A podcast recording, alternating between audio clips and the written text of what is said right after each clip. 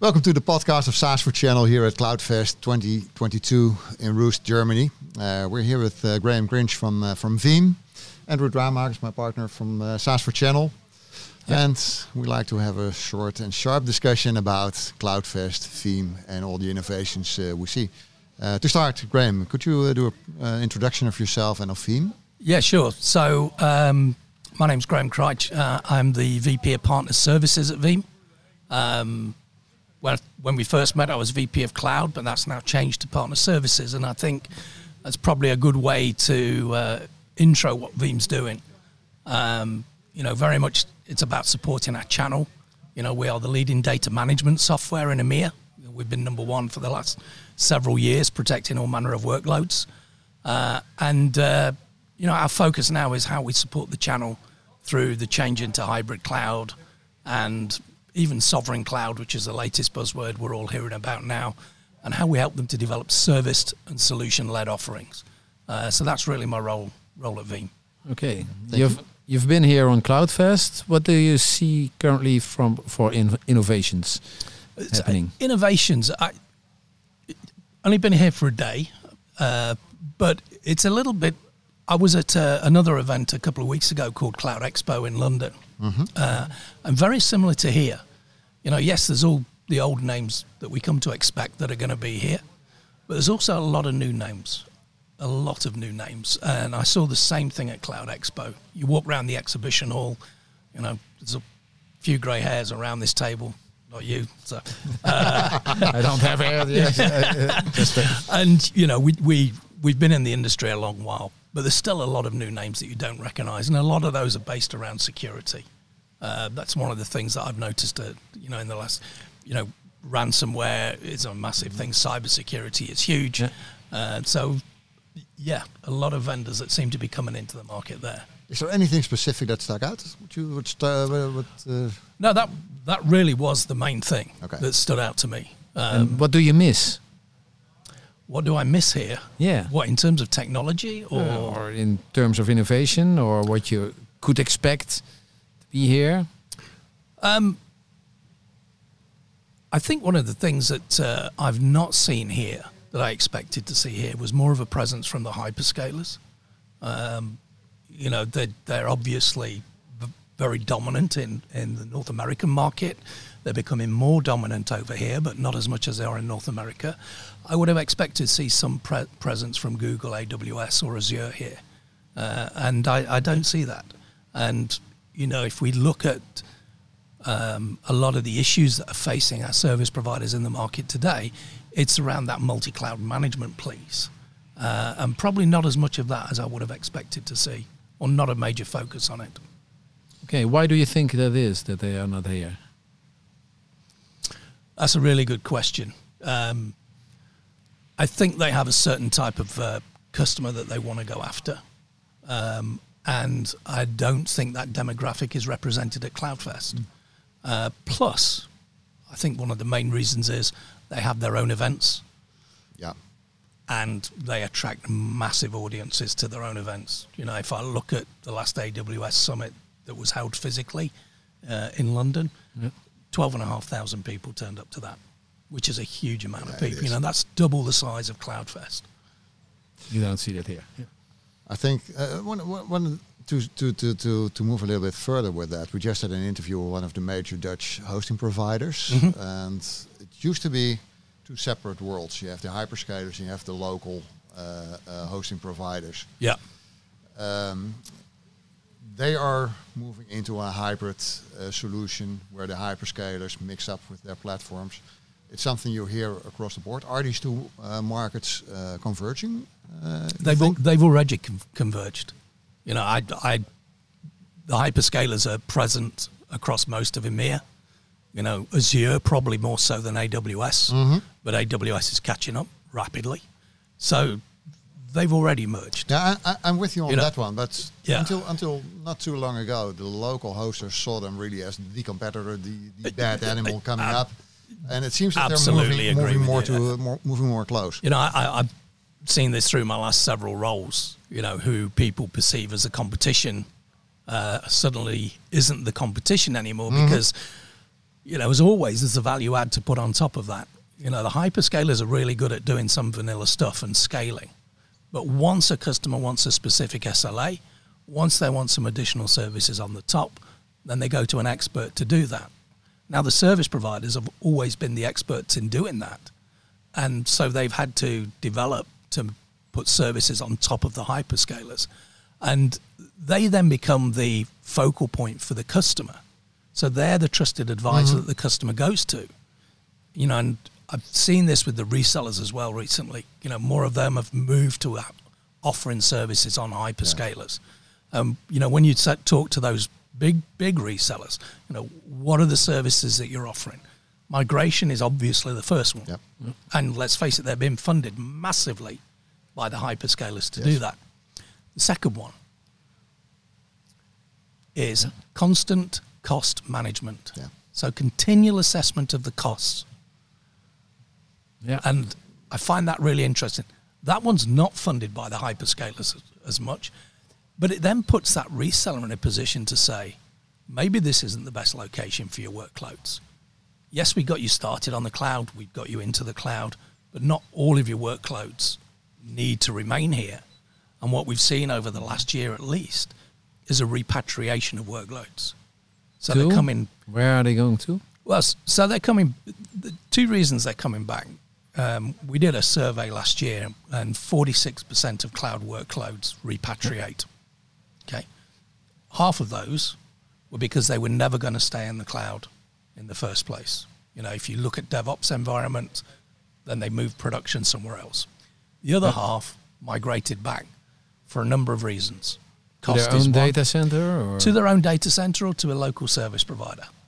Okay. So it's to the customer's data center or service provider, and, and then you're that's saying based the on trigger is cost, security, compliance.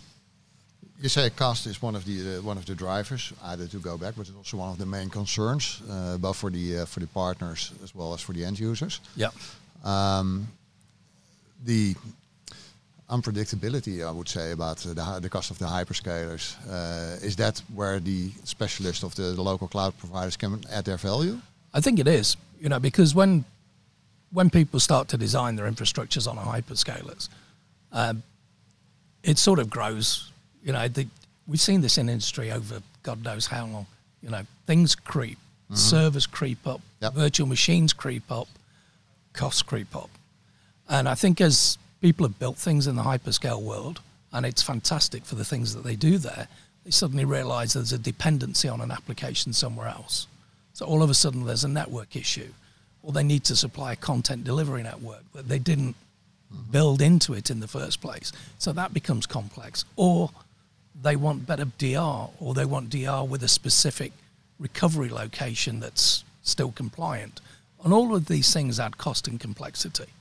And I think that's where our partners can really start to add the value because this is something they've done from day one Yes. in their own data centers. So now they're just doing it across different platforms. I was I was struck by AWS a few months ago. I had them in a in a session uh, uh, we did on uh, on go to market strategies. And one thing they said, and I thought it was quite unique, is that they in- incentivize their partners to make an optimum use of their resources instead of the largest use. And they incentivize Yeah. on bringing the cost down if there's no use of it.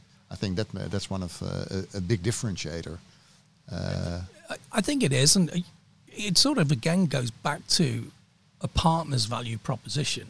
Don't get me wrong; we all we all want to get more revenue per customer, but you want happy customers. Yes. And if you're constantly going to them with continuous improvement and continuous innovation, then you're going to have a happy customer. You know, if we look at old outsourcing contracts, they was they were I'll do your uh, well, how do you, how would you phrase it without being rude? I'll do your mundane tasks, but I'll do them cheaper, Yeah. and that was the value proposition. But as you saw over the last ten years, con- continual innovation had to be built into those contracts. So I think we've just seen the extension of that into the hyperscalers. If we're getting uh, into the issue continuous in innovations, what are the continuous innovations that we can expect from Veeam? Well, I think you know, we're known for our Not, e- not even the continuous, but the new innovation. well, yeah, I mean, we're, we're, we are no, we are known for our continuous innovation, and you know, I, I wouldn't want to uh, steal the thunder of you know some of my colleagues in product management that would want to tell you about the new things. You know, we we've just launched the latest version of uh, uh, Office 365 version six. Uh, which now has a front end portal, which our partners have been asking for for, for a very long while. Yeah. Uh, we've announced version 12 uh, to make better use of back-end storage, whatever that may be, you know, particularly S3 storage, so being able, able to write directly to that. And I think some of the areas where you you you don't see the innovation, but there is innovation coming, is how we deal with our partners. You know, one of the things that we want to make easier is how our partners interface to us and deal with us. So there's a lot of work at the back end on automation of our systems, automation into the channel systems to make us easier to deal with. So Because, you automation know- of your internal systems, Ab- so absolutely. everything is You know, the way we deal with distribution, the way we deal with the VARs, the way we deal with license management, the way we deal with reporting. You know, these are all important things as the partners start to scale. So yes, you're going to see the frontline innovation of the new products that we bring out and the new technologies. You know, we've we've announced backup for Salesforce, which we think is going to be a huge market for us over the coming years. But when you scale like we do, you know, we're now at a billion, have been for the last year. And, you know, we've heard our new CEO state we want to get to be a 10 billion organization.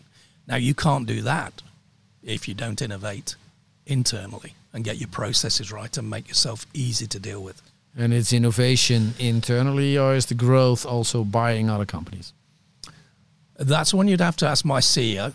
But uh, we've never been shy about buying companies. You know, we made the Kasten acquisition uh, probably a couple of years ago now.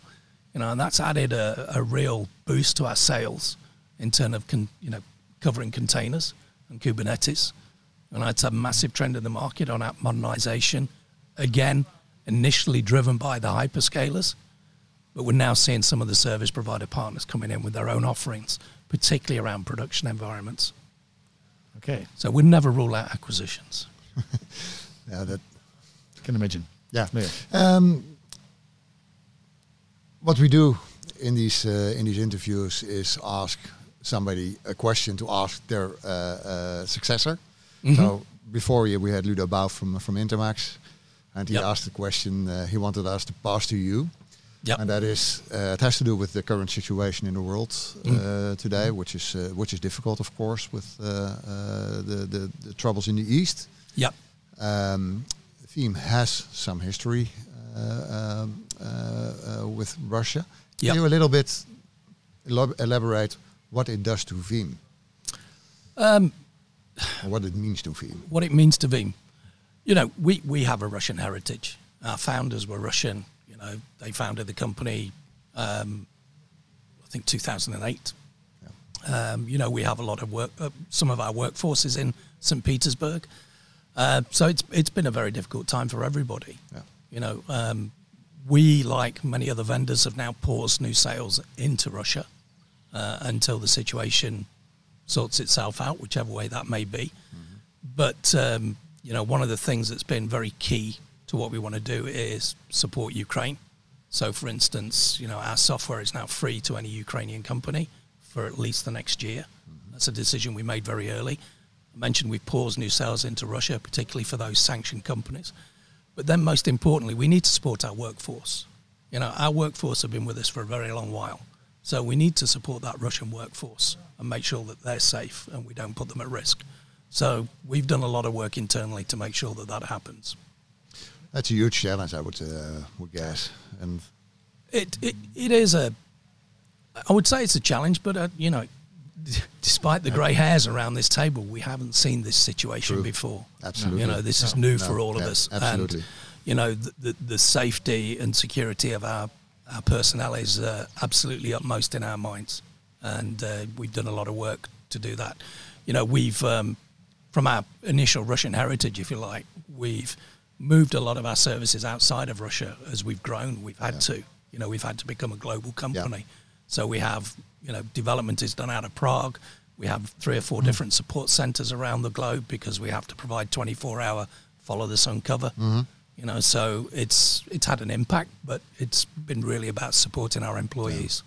Can imagine. Yeah. Thank you for ask, for answering that one. Um, the last one to pass on to the next one will be a little bit uh, challenging, perhaps. Uh, Ronald uh, Steenbakkers is the next, and he is an M&A expert. Oh, okay. Uh, he's helped a lot of hosting companies uh, finding uh, finding their partners uh, in the Netherlands. yeah.